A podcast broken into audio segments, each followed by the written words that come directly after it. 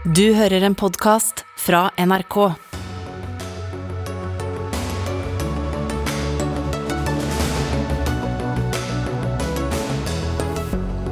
Runde to av forhandlingene mellom Russland og Ukraina er i gang. Fortsatt sier Putin at Russlands angrep på Ukraina skal fortsette kompromissløst.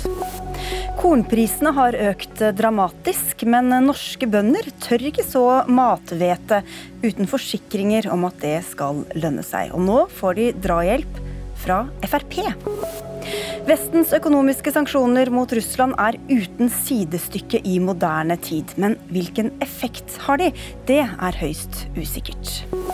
Og Norge er ikke rustet for klimaendringene. Folks sikkerhet er i fare, ifølge en ny rapport fra Riksrevisjonen.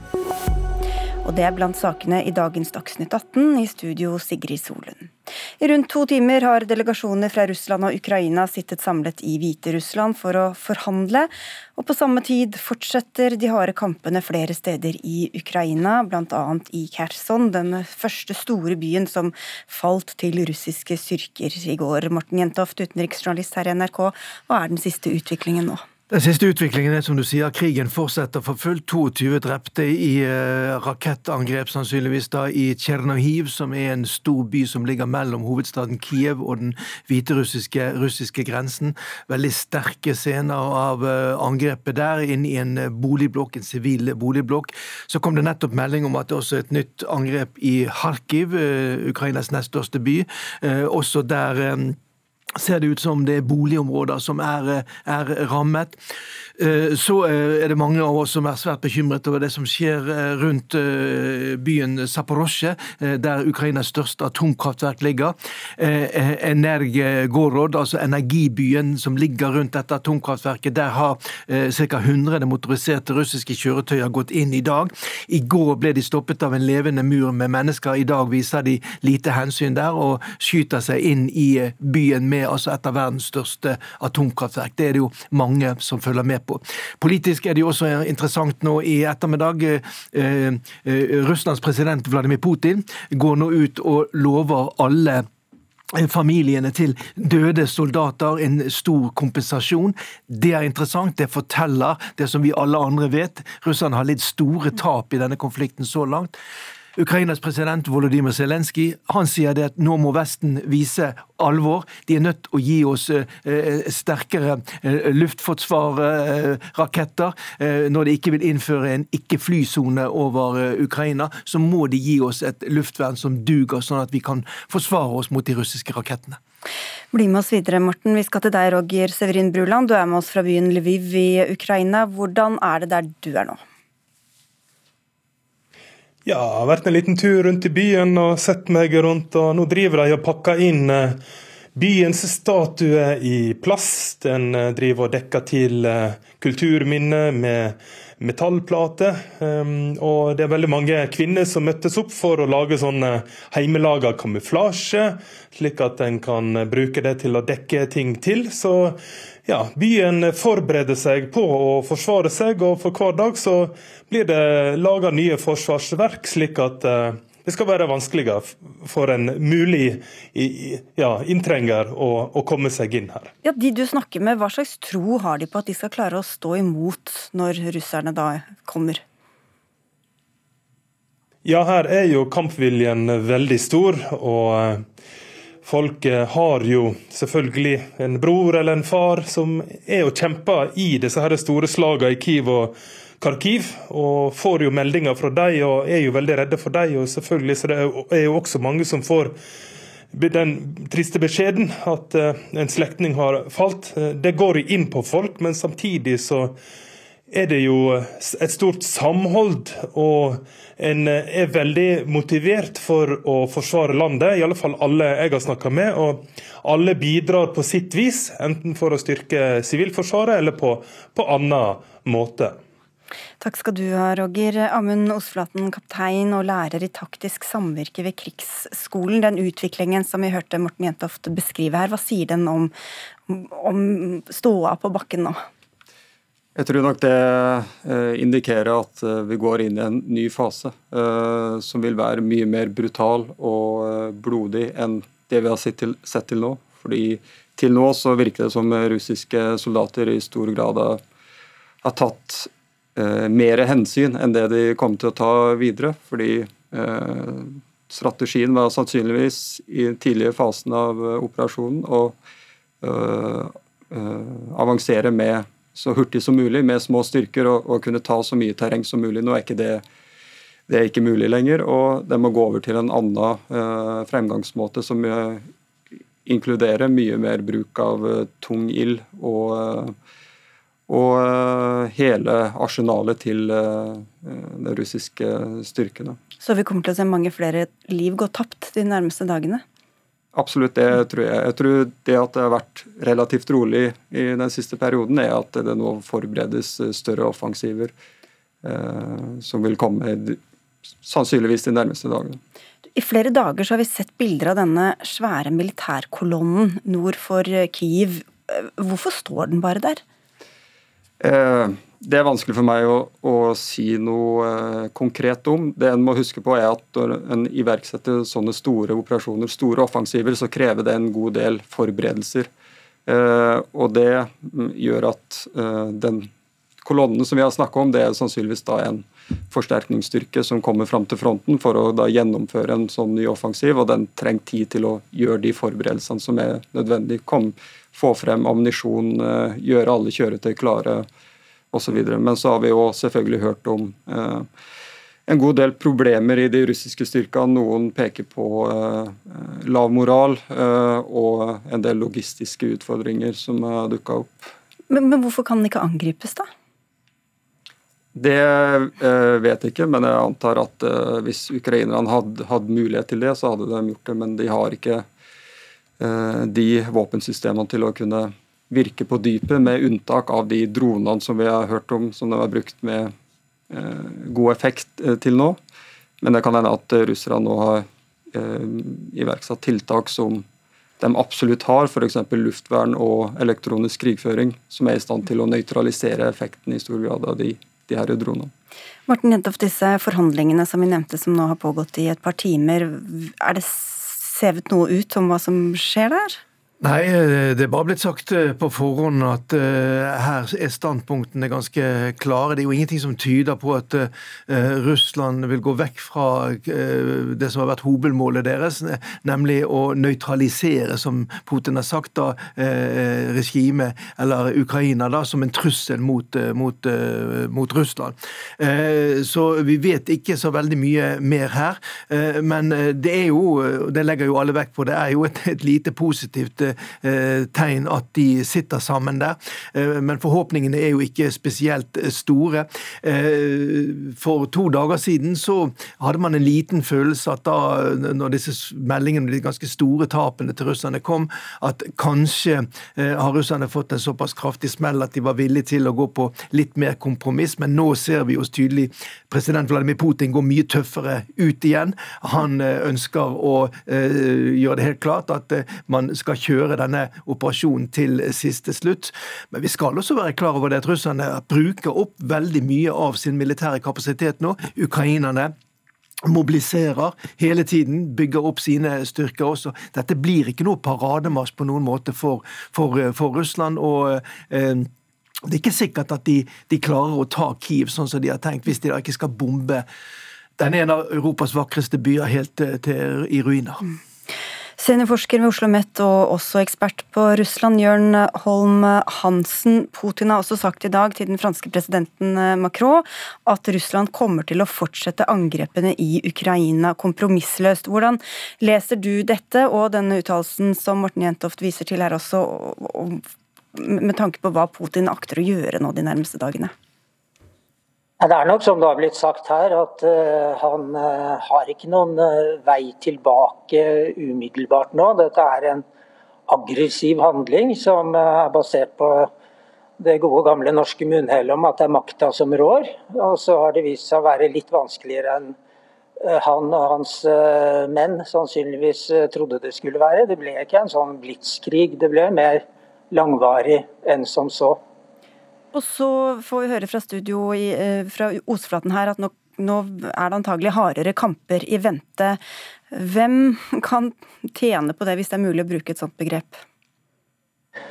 Det er jo helt klart uh, ukrainerne som har noe å tjene på dette. Og det er jo et spørsmål om tid, kanskje, før uh, det går opp for uh, deler av maktapparatet rundt Putin at dette her altså Hvis det trekker ut i tid, så vil det være muligheter, kan man kanskje tenke seg, for en, en endring i maktapparatet rundt Putin.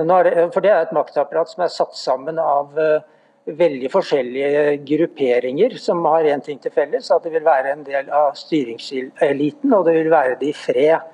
Nå er det helt åpenbart at det er eh, sikkerhetsapparat og militærapparat som har hatt overtaket der, men det er også folk i eh, apparatet rundt Putin som er opptatt av økonomi og teknologi som er en kjempeutfordring for Russland. Det er en mye større trussel for Russland enn det Ukraina har vært eh, militært. Og Hvis det da skulle bli sånn at eh, deler av befolkningen, at protestene sprer seg Det er jo alle 6000 mennesker vel nå som sitter i fengsel som har vært ute og produsert, så det har vært ganske mange over hele landet som har vært ute og produsert.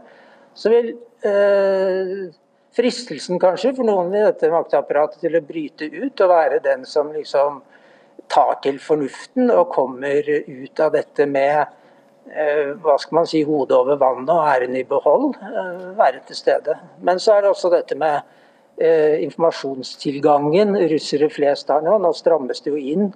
TV-kanalen Dozjt, som vært som har vært uavhengig, radiokanalen Ekha Moskvi, har tatt av lufta. Mm. Novaja Gazeta, hvor, hvor, redaktøren fikk nobelprisen i fjor, fortsetter å komme ut. Jeg leser den på nett eh, hver dag fremdeles. Håper jeg kan fortsette med det. Mm. Mm. Men eh, ja. Mm.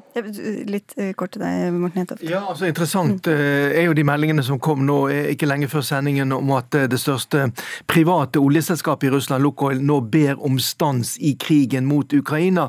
Før så hadde vi jo sett at mer sånn kan du si, urbane fenomener som noen av disse her selskapene som leverer mat og varer på dørene, der var det også et som gikk ut med en app der det sto 'Vi krever fred'.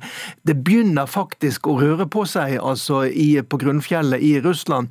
Og det at Lukoil går inn her, det er veldig, veldig interessant. Eh, Riktignok så er det et relativt lite selskap i forhold til giganter som Gazprom og Rosneft, men dette er den indre makteliten, økonomiske makteliten i Russland, som nå ser at denne krigen her, den koster dem personlig mye. Tove Bjørgaas, USA-korrespondent i Washington DC. Nyhetsbyrået AFP sa tidligere i dag at den russiske utenriksministeren Sergej Lavrov beskyldte Vesten for å vurdere atomkrig. Hvordan har amerikanske myndigheter reagert på det? De, jeg har ikke sett noen direkte reaksjoner på det, men det tar de helt sikkert avstand fra. Det er veldig viktig for Biden-administrasjonen her å holde disse spekulasjonene om atombruk av atomvåpen nede. Derfor så har de ikke satt sine våpen i beredskap, slik som russerne gjorde eh, her om dagen. Og de har også vært veldig veldig klare på at det ikke er aktuelt å sende amerikanske styrker i kamp med russiske styrker.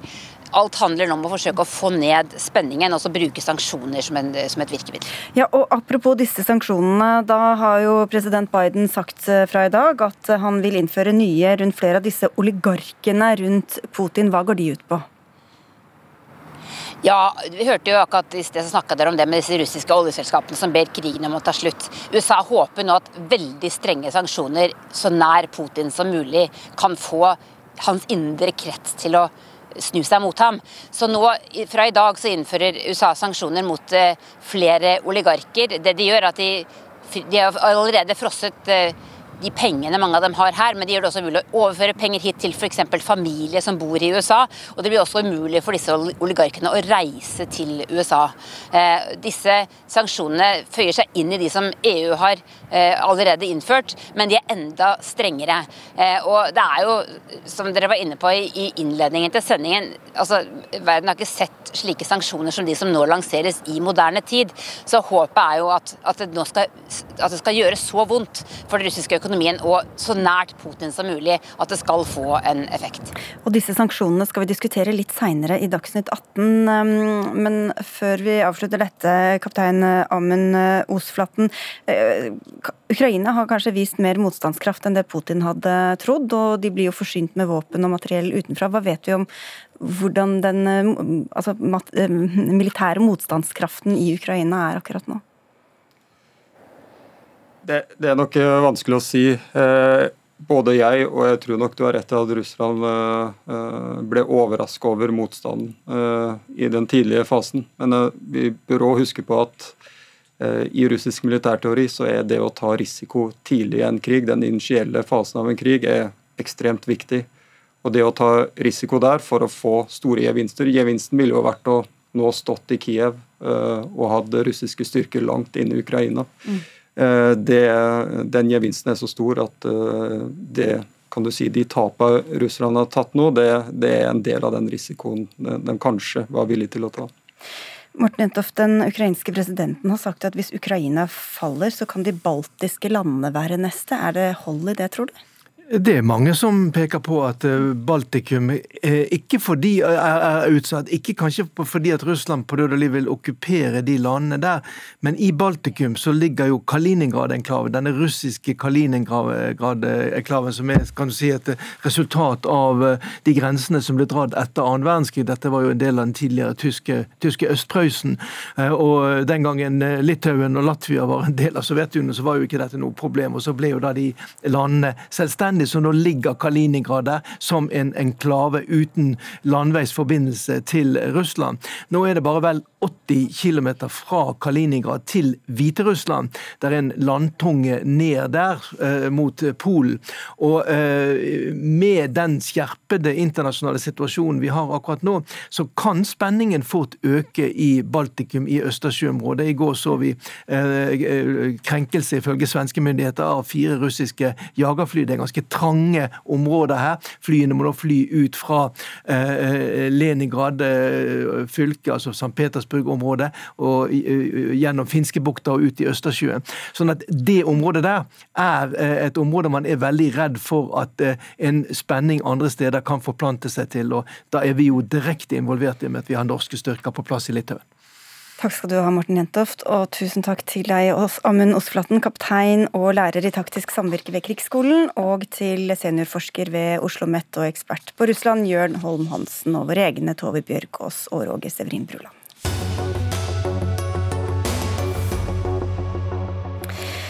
Og hvor skal det kornet vi skal spise komme fra i tiden som kommer? Det er det usikkerhet om i kjølvannet av nettopp krigen i Ukraina og sanksjonene mot Russland. De to landene produserer nemlig vanligvis en tredel av verdens mathvete. Gjødselgiganten Yara advarer mot global matmangel, og kornprisen er gått opp med rundt 30% bare på én uke. Bøndene vil gjerne satse på å dyrke mer mathvete, så hvorfor gjør dere ikke bare det, Bjørn Gimming, du er leder i Norges Bondelag?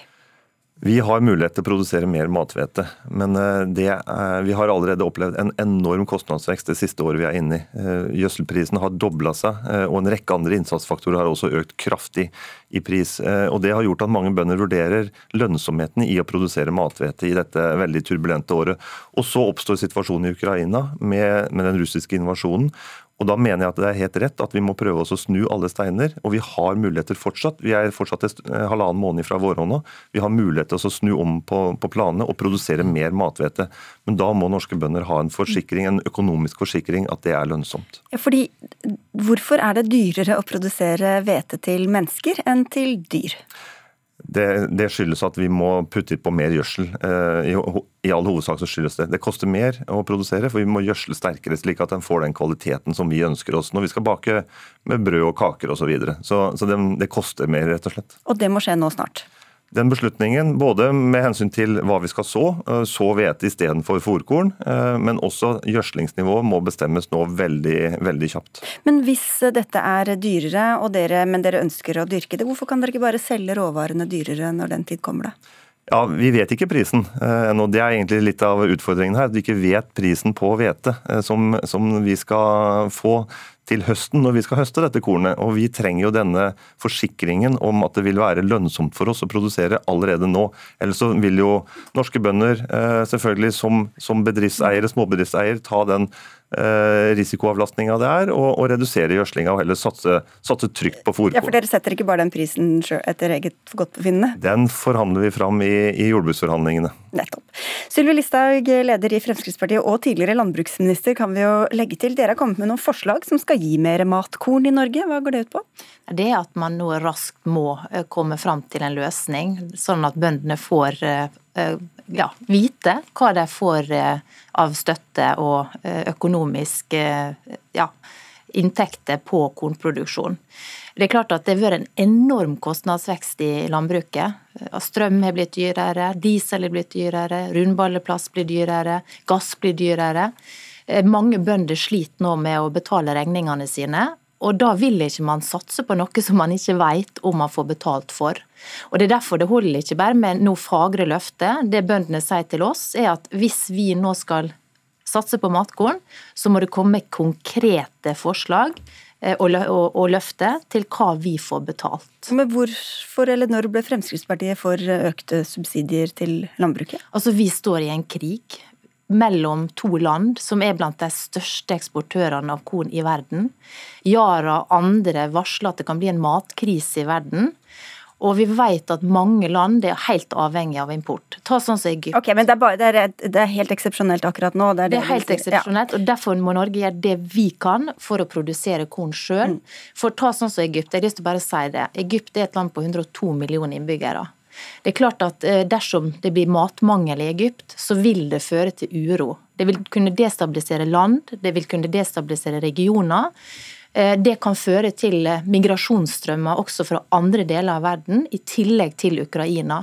Og Derfor er det så viktig at Norge nå gjør det vi kan for å ta ansvar for egen matproduksjon. For å unngå flyktninger hit? For å unngå at folk svelter rundt omkring på jordkloden. Og så vet jo vi Norge kommer til å ha råd til å kjøpe korn. Vi mm. har penger til det. Men her handler det om å ta et ansvar i en situasjon som er helt eksepsjonell i okay. verdenssammenheng. Tar dere det ansvaret, Geir Pollestad fra Senterpartiet? Ja, Det gjør vi absolutt. Eh, og vi i Senterpartiet og regjeringen tenker jo på økt selvforsyning eh, hele tida, ikke bare når krisen er her. For det er jo det som er litt eh, spesielt med forslaget fra Men du er enig i forslagene, eller? Jeg syns det er viktige, viktige forslag, men vi må, vi må permanent jobbe med dette, og regjeringen skal jobbe med tiltak for å få på plass dette. Men for å ta en konkret ting, det nytter ikke å kunne gjøre det når krisen er her. Fordi at Nei, men nå er den her. Så hvis vi forholder oss til hva som skal gjøres nå, ja, ja, Så foreslår Sylvi Listhaug at da må bøndene få garanti om at de skal få mer penger. Og... Men ut fra, dette, ut fra, det som har skjedd, så er det sånn at økonomien påvirkes ikke bare det som skjer akkurat i denne måneden. I høst så betalte vi ut 1 milliard kroner omtrent, litt under det, for å kompensere for økte gjødselavgifter til bøndene. Det påvirker økonomien som de står i i dag, og de valgene som de kan ta i dag. Da stemte Fremskrittspartiet mot det forslaget. Da var det ikke så, krig, hører vi da. Nei, men så for framover så vet vi at verdensmarkedsprisene vil sannsynligvis stige.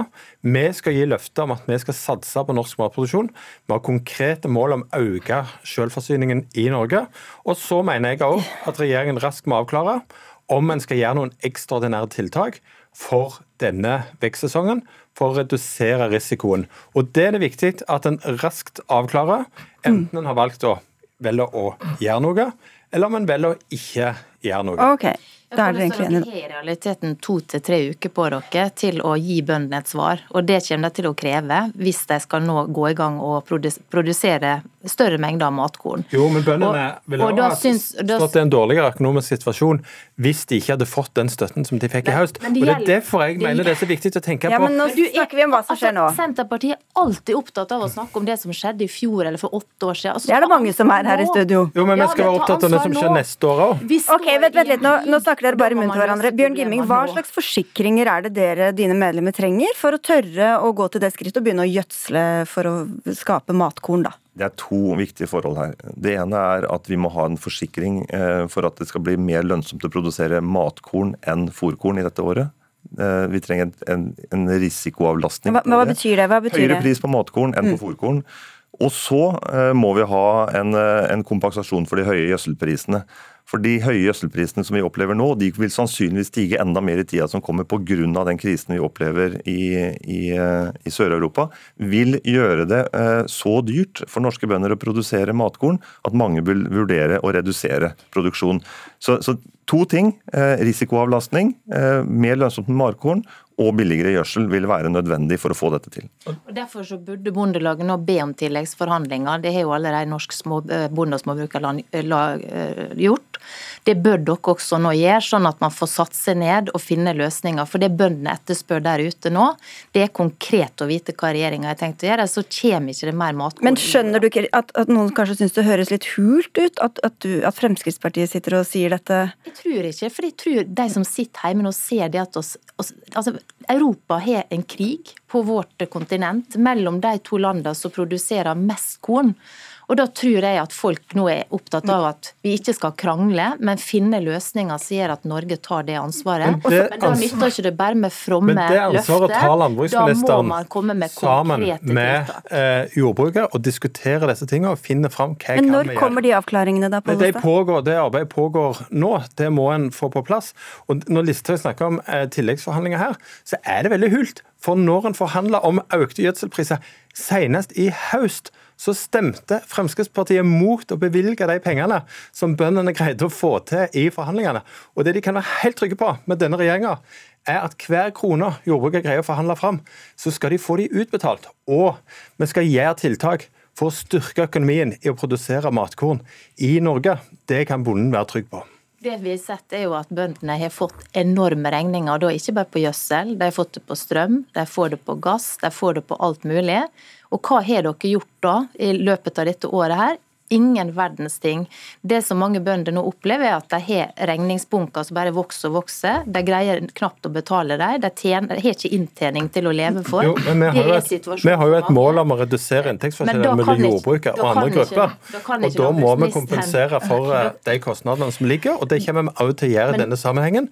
Fordi at det går ikke an som Fremskrittspartiet gjør, og kun være opptatt av norsk matproduksjon når det er krise. Ja. Vi må være opptatt av det hele tida. Og neste år, om to år, om ti år, om 20 år. Ok, Gimming, ja. det er litt, litt, uvant å være på lag med Frp her? Altså, det, det er, alle gode forslag trenger vi. Eh, og når Fremskrittspartiet også foreslår gode forslag nå, så er vi glad for det. Men dette her er jo et større bilde. Eh, og det er jo helt riktig som Pollestad sier, at her har vi jo hatt en situasjon som har pågått over lang tid. Den starta i fjor sommer.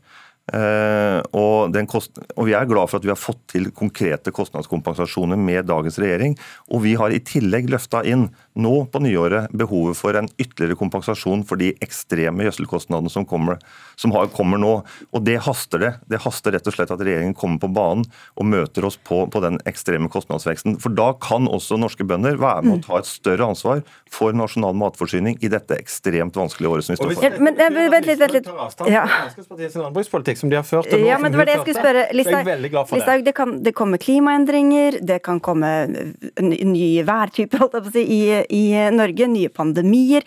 Hvorfor ikke heller ha et system som går over år, enn å si at bare akkurat når det er krig, da skal man støtte norske bønder? Altså, Vi mener det er helt prekært nå. og det, Jeg må unnskylde at jeg sier det, men det høres ut som vi i skoledebatt. Det er en krigssituasjon, på Pollestad. Eh, og det syns jeg du skal eh, respektere. At partiet da faktisk kommer med konkrete forslag for å løse en utfordring. Og vi er redd for at får du en matkrise i verden, ja så får du destabilisert land. Du det var du inne på. Det er derfor vi må ha et norsk landbruk, og det er derfor vi må eh, satse på norsk landbruk. Og derfor så må du okay. slutte å sitte men, og snakke om fortida og begynne ja. å handle nå. og det er to til bare lurer på, Bjørn Gimming, Hvorfor kan man ikke heller produsere uh, kornsorter som ikke er så krevende, rug eller bygg eller havre f.eks.? Vi produserer mye av det, og mesteparten av norsk kornproduksjon er de fòrkornsortene som du her nevner. Men kan ikke mennesker spise det? Jo, i, en, i, en, I en helt ekstrem situasjon så kommer vi til å spise alt vi har, uansett, eh, selvfølgelig. Men i den situasjonen vi er nå, så handler dette her om mathvete. Det er det som er satt under press i Ukraina. Eh, norske forbrukere kommer til å, å ha tilgang på mat i, i, året som kommer, men vi må ta en større del av det ansvaret sjøl i dette veldig spesielle året. Og Det handler om nettopp det poenget at et lands beredskap handler om en løpende produksjon. Ikke bare hva vi gjør akkurat nå, men at vi har en okay. høy løpende selvforsyning hele tiden. Og Når kommer da svarene fra Landbruksdepartementet, Geir Pollestad? Nei, Vi vet uh, like godt som alle andre hva tid våronna er, at dette haster uh, med å både få gitt signal om hva en ser for seg når det gjelder norsk uh, matproduksjon, og så må det snart komme en tilbakemelding, sånn okay. sånn at norske bønder vet hva de har å forholde seg til. Takk skal du ha, Geir Bollestad fra Senterpartiet, til Frp-leder Sylvi Listhaug og Norges Bondelags leder Bjørn Gimming.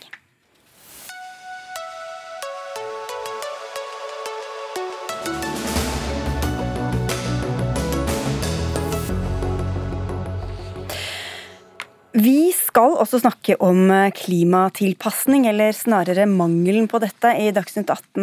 Eh, men det er først om noen minutter, for vi skal dvele ved krigen og følgene av den litt til. Equinor er blant dem som skjerper datasikkerheten etter at selskapet valgte å trekke seg ut av Russland. Grunnen er frykten for mulige hackerangrep, men hvor utsatt er vi for slike angrep? Nils Nagelhus Skia, du er seniorforsker ved NUPIs eh, forskningssenter for digitalisering og cybersikkerhet.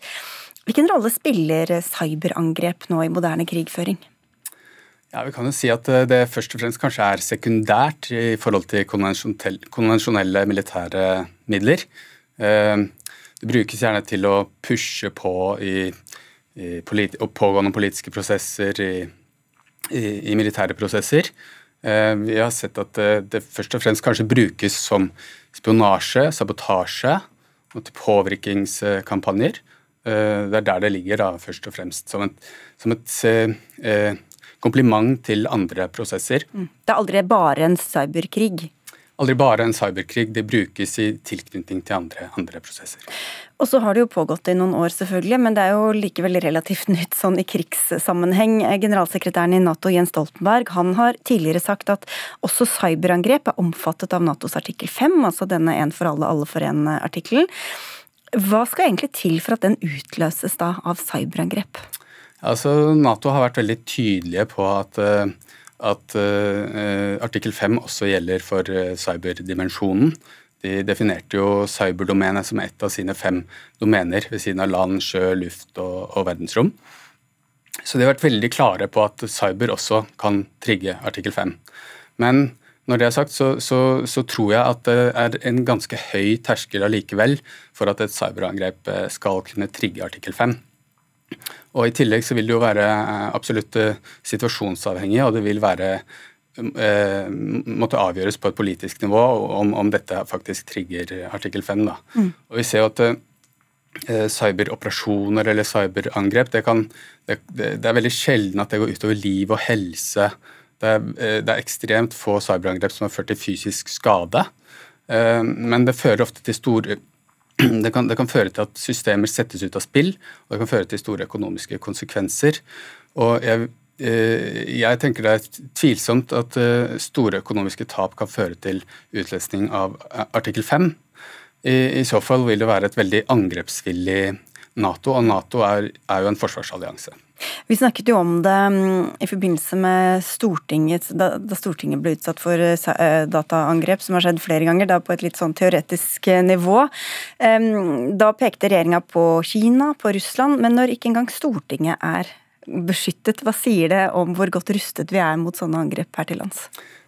Altså først vil jeg si at vi, man, man, kan, Ingen land kan, ingen kan beskytte seg 100% mot cyber angrep eller cyberoperasjoner eller, eller cyberkriminalitet.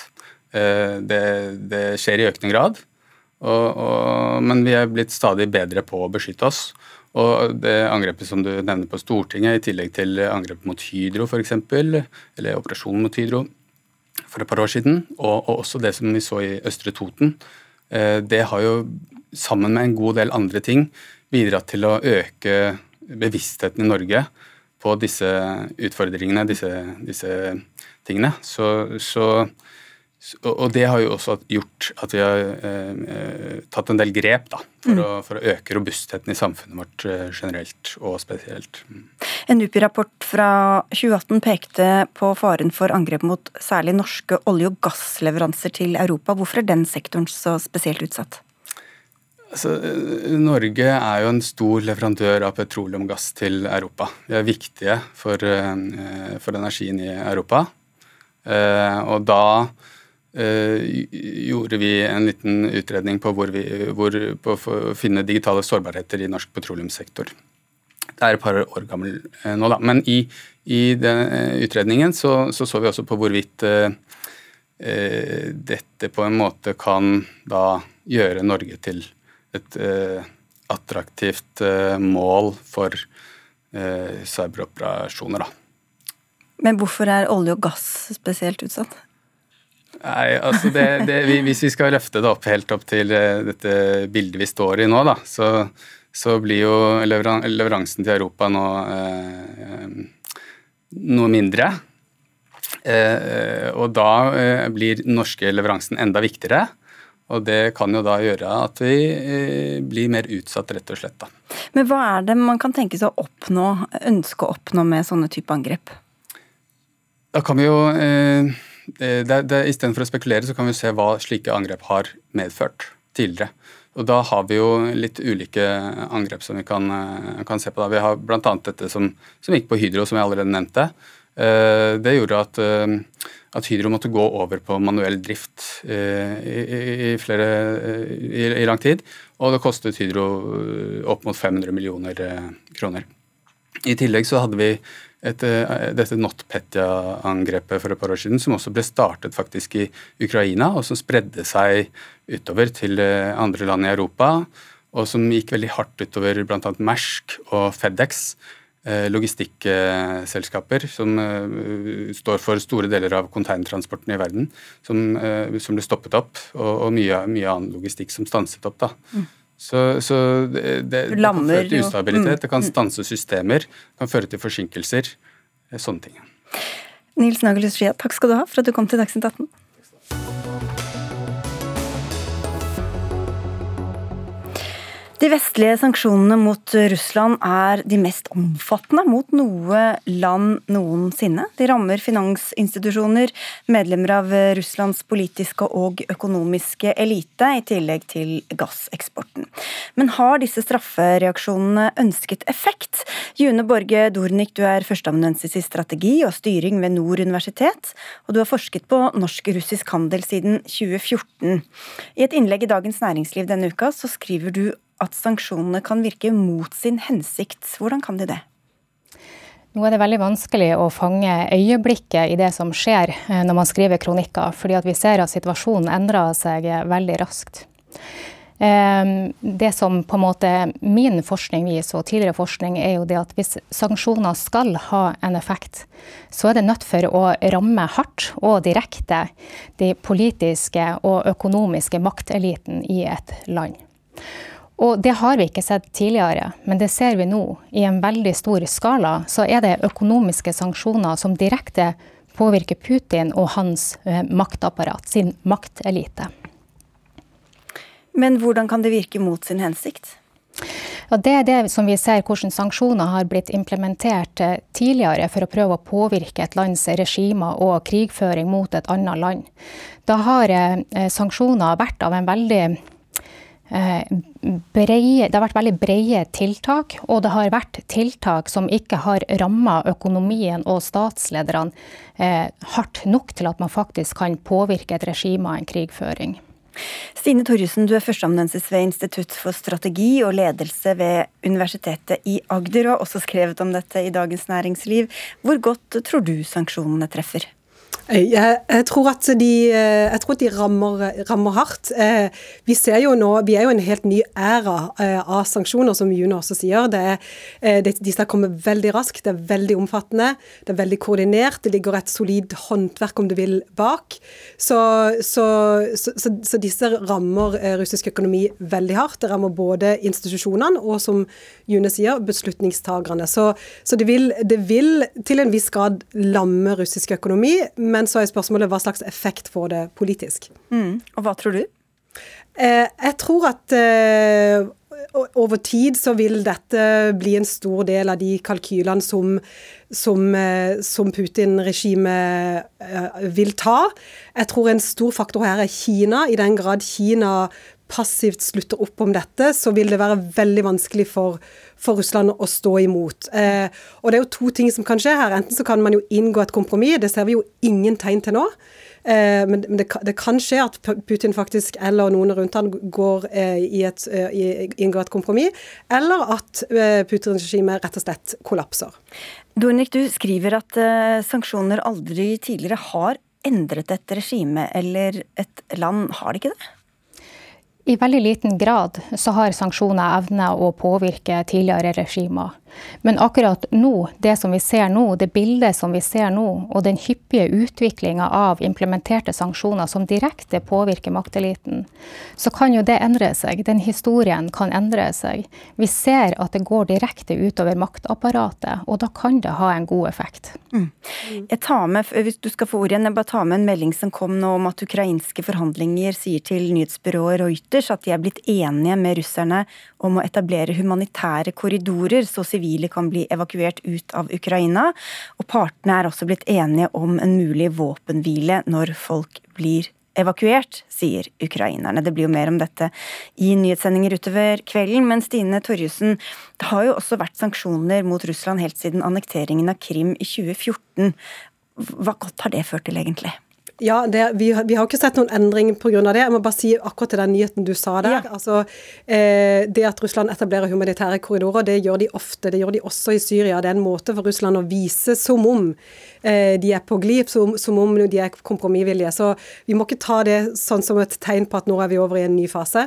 Eh, bare liksom legge merke til det. Det var fint men, å få en kommentar om det på direkten. Jeg visste ja, ikke at du ja, kunne ta det. Jeg tenker Det er heller en skummel påminnelse om hvordan Russland har opptredd i Syriakrigen, f.eks. Men, men det er en annen sak. Når når det gjelder eh, Ja, helt riktig, de sanksjonene vi ga i 2014, de, eh, de har ikke hatt noen stor effekt. Men eh, når det gjelder liksom sanksjonshistorien, så har vi jo eksempler, f.eks.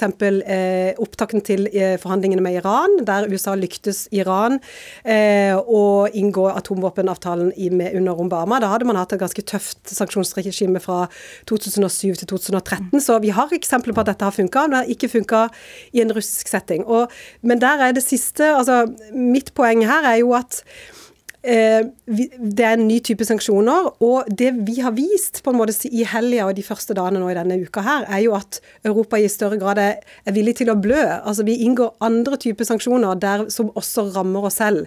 Det var det veldig få som ville trodd for en uke siden, at vi faktisk beveget oss, eh, at vi gikk i gang med så sterke sanksjoner eh, at de rammer Russland særlig hardt, men, men, og de rammer også oss. Men, men allikevel så kjører vi i gang med de, fordi eh, vi ser et behov for å reagere og for å, eh, for å, for å beskytte en, veldig viktig eh, norm da, i internasjonal politikk. Men hvis de fortsetter å blø, hvor lenge er landene da villige til å beholde dem? Ja, eh, nettopp. Og supergodt spørsmål. Og det, så det blir veldig spennende å se. Det vi har sett, er jo en, en veldig mobilisering av vestlig av vestlige demokratier, egentlig. Jeg tror at vi leser oss inn i den kampen som Ukraina står i, og det, det, det styrker europeiske ledere i å tørre, egentlig, å være tøffere enn det de var. Jeg tror særlig tyske, italienske ledere er jo blant de som har på en måte holdt igjen. Men, men jeg tror både med behovet for å reagere på den ekstreme på en måte atferden som Russland har vist, men også at man, man har en viss folkelig backing har, har gjort at vi tør. Men, men, så, men, men, det er nok til et visst punkt, og jeg, jeg tør ikke å spekulere i når vi kommer dit, men enn så lenge så er jo viljen til og blø økonomisk mm. til stede, både i USA, Canada og, og, i Europa. Og til slutt, June Dornik, hvis de blør også for befolkningen i Russland, selv om ikke det er dem eh, landet ønsker å ramme, kan det også vende befolkningen mot sin egen leder Putin? Det kan være et eh, utfall av det. Eh, når vi ser og leser nyhetene nå i dag, så ser vi jo det at det er flere store selskaper i Russland, viktige strategiske private bedrifter og sentrale oligarker som uttaler seg om at de ikke støtter Putins eh, krigføring mot Ukraina. Og jeg tror det er veldig viktig at de som sitter i det her maktapparatet, uttaler en Eh, si, at, man, at, man, fordømmer den krigen da, som Putin kjører mot eh, Ukraina. For da kan man klare å tørre å få med seg sterkere røster. At man klarer å tørre å mobilisere befolkninga i Russland. Mm. Takk skal du ha, June Borge Dornik ved Nord universitet, og til deg, Stine Torjussen ved Universitetet i Agder.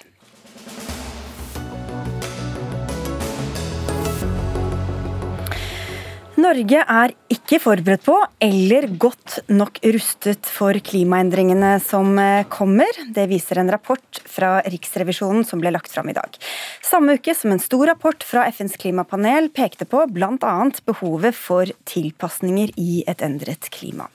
Riksrevisor Carl Eirik Schjøtt Pedersen, du sier at det dere har funnet i denne rapporten er alvorlig og kan gå utover folks sikkerhet. Hva vil du si er de mest alvorlige funnene? Klimaendringene betyr at det kommer til å bli eh, mer flom og flere skred. Det må vi forberede oss på. Og når vi ser at det er slik at kritiske områder ikke er godt nok kartlagt, så kan det føre til at vi bygger nye boliger i områder hvor det er fare for at det blir mer flom og mer skred i årene fremover. Det er en risiko for de innbyggerne som skal bo der. Når det i tillegg er slik at myndighetene mangler kunnskap om hvor utsatt den eksisterende bebyggelsen er for naturfare ved framtidige klimaendringer, så innebærer det at vi har en risiko for at vi ikke får gjort den forebygginga, den forberedelsen på denne utviklinga, som vi ellers kunne ha gjort. Også det eh, representerer en risiko for befolkninga. I sum så mener vi at dette er ganske alvorlig. Er det først og fremst bolighus dere har sett på, eller er det også veier, rør osv.? Vi har sett på begge deler. Vi har sett på eh, både boliger og andre utbygginger. Men også eh, infrastruktur i form av veier, havner, jernbane. Og vi har altså sett på både områder som er bygd ut i dag, og områder som kan være aktuelle for å bygge ut. Og Det dilemmaet vi ser, er at kommunesektoren konsentrerer seg i veldig stor grad om å innrette seg ut fra det klimaet vi har i dag. Men klimaendringene kommer til å føre til at været blir det som man kaller for våtere og villere. Det blir flere skred, det blir mer flom.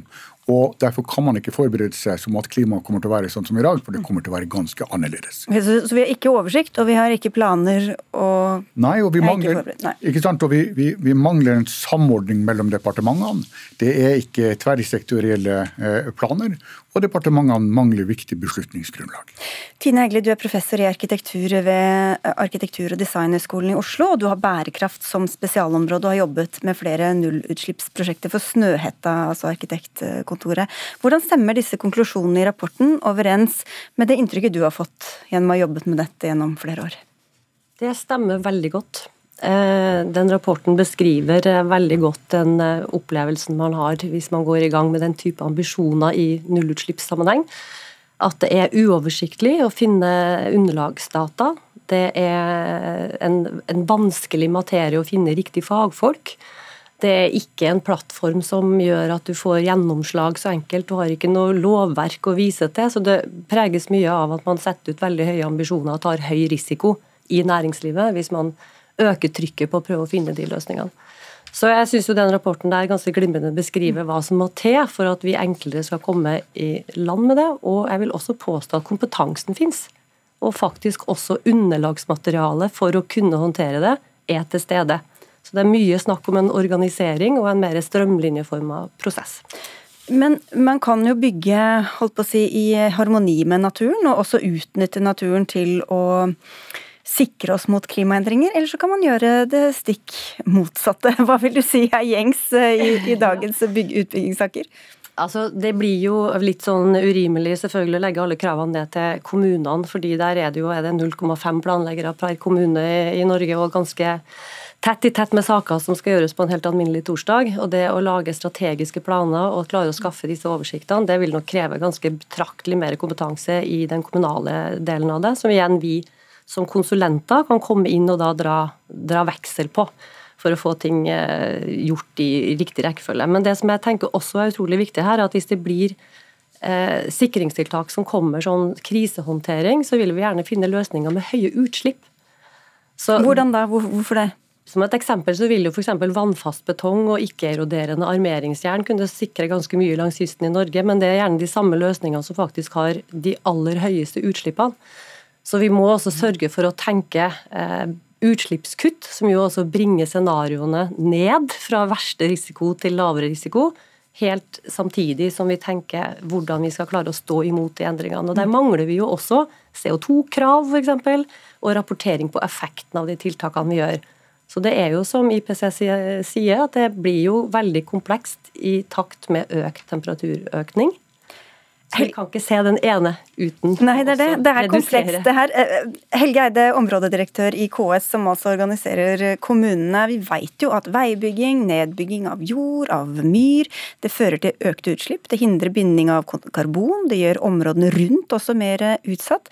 Hvorfor fører mange kommuner da likevel en politikk som kan føre til økte klimagassutslipp, i stedet for å sikre oss mot konsekvensene av dem? Ja, Du kan jo tenke deg selv hva reaksjonen ville være hvis eh, hver eneste kommune i Norge hadde innført full byggestopp for, eh, for all samfunnsutvikling. Det er rett og slett ikke en politikk som bilder gjengs i det hele tatt. Men gjør man det på riktig måte? Det vi vet fra, også fra våre egne spørreundersøkelser i KS, bekrefter jo i, i, i fulle Riksrevisjonen sine egne, sin egen rapport der, at det man savner fra kommunenes side, er i hovedsak tre ting. Det er for det første økonomi til å gjennomføre klimatilpasningstiltak, altså sikre eksisterende bygg på en måte som da ikke fører til økte utslipp. Det er det ene.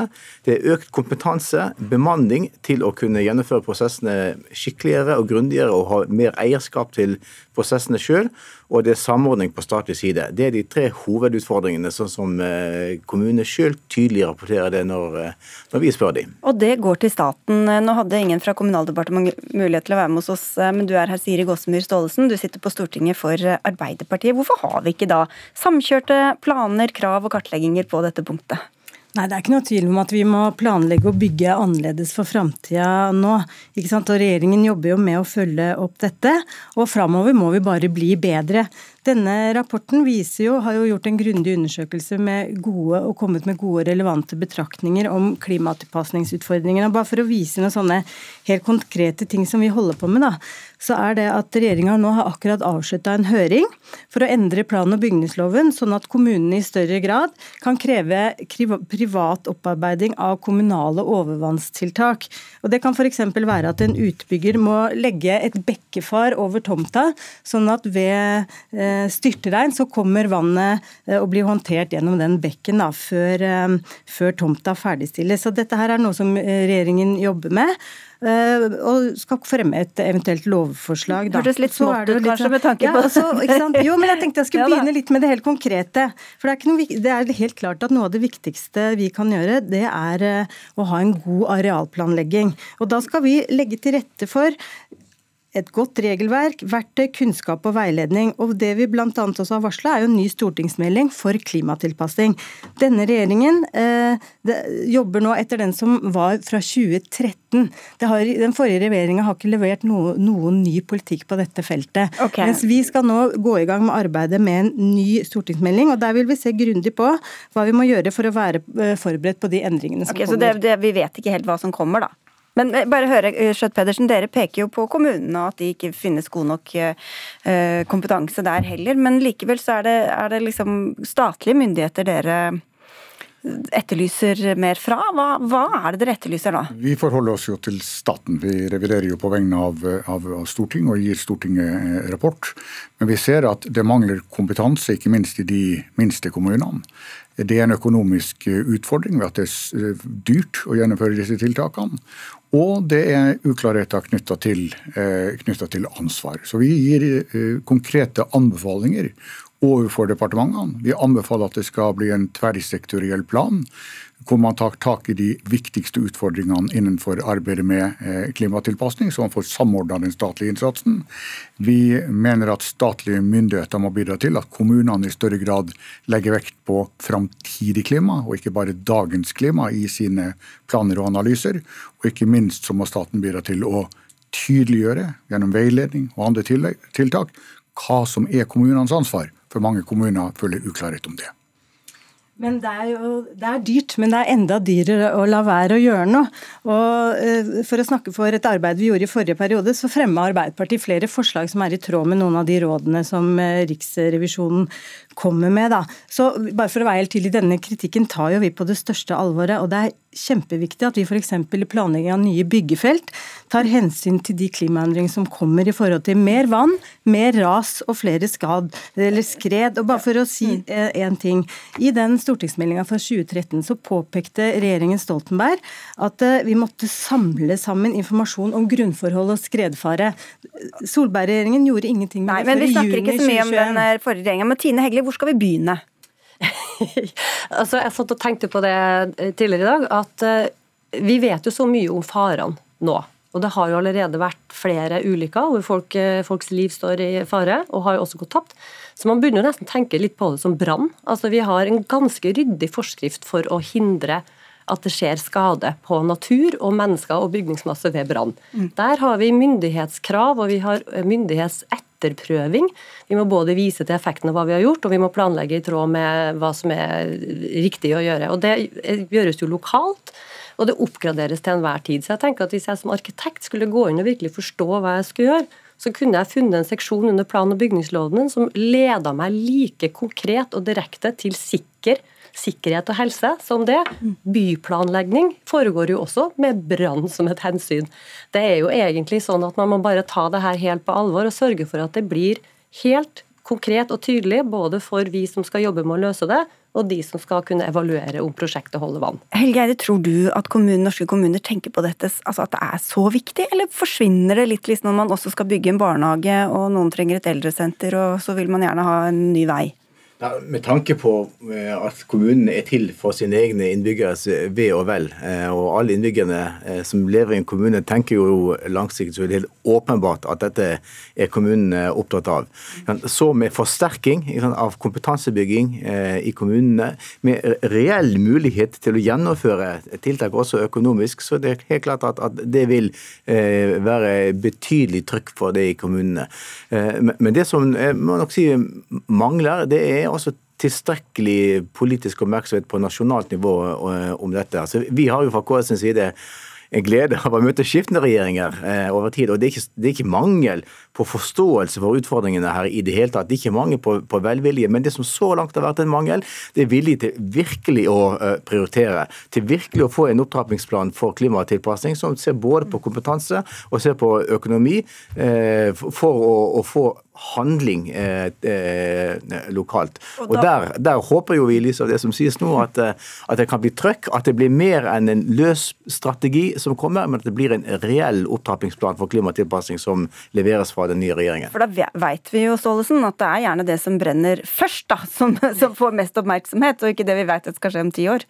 Ja, men for denne regjeringen så er jo det å få ned ulikhetene og, og klimasaker de viktigste sakene. Vi må få opp farta, og vi må gjøre mer. Og med den stortingsmeldinga så varsler vi at vi ønsker å gjøre en ny jobb for klimatilpasning. Så vil jeg bare si at når det gjelder kompetanse og kartlegging, så er det kjempeviktig. Og det at det er godt utdanna med riktig kompetanse i kommunene er kjempeviktig. og Derfor så har vi styrka kommunerammen med 2,5 milliarder mer. Som KS var helt eh, fornøyd med det. Men Tine Hegli, hva med din egen bransje? da? Både selvfølgelig arkitektbransjen, men også de utbyggerne, utbyggerne dere jobber med. Hvordan står det til med både bevisstheten og kunnskapen der? Jeg vil si at De henvender seg jo mye til arkitekter og konsulenter for å spørre om hva skal vi faktisk gjøre, hvilke retningslinjer skal vi følge. Så Vi har jo et sånt førsteleddansvar i å sette ambisjonen så høyt som mulig. Og Hvis vi har helt tydelige krav over oss, så tenker jeg at utbyggerne er ikke det som, det er ikke der problemet faktisk ligger. Men det er klart, saksbehandlerne i det kommunale apparatet står under press hele tida. Og man vil jo gjerne få ting hurtig gjennom. og som du sier, Man kan jo ikke blokkere og stoppe næringslivsutvikling pga. at man først skal planlegge seg ferdig. Så det er jo en betydelig Det vil jo ha veldig kraft at man ruster opp kommunens kapasitet til både å tenke strategisk og håndtere pågående saker fortløpende. Og så vil jeg jo igjen presisere at vi har faktisk muligheter i vårt virke til å sitte med klimadata som kan vise scenarioer for både 1,5 og 3,0 og 4,3 og vise konsekvensene av det hvis vi blir bedt om å gjøre det, og noen betaler for de timene det tar, og lage ulike skisser mm. før man velger et endelig prosjekt, som en utvikler kan da måtte betale for, hvis det er et oppdrag som er helt tydelig. Så mer kompetanse og litt strengere krav, er det konklusjonen, Skjøtt-Pedersen? Konklusjonen fra vår side er at den praksis man har i dag, hvor man i stor grad ser på dagens klima, den innebærer en risiko. Jeg skjønner ikke hvorfor jeg ga deg ordet nå, fordi sendingen er over. takk skal dere ha for at dere kom. Odd Nytrøen, Hanne Lunas og jeg, Sigrid Solund, takker for følget.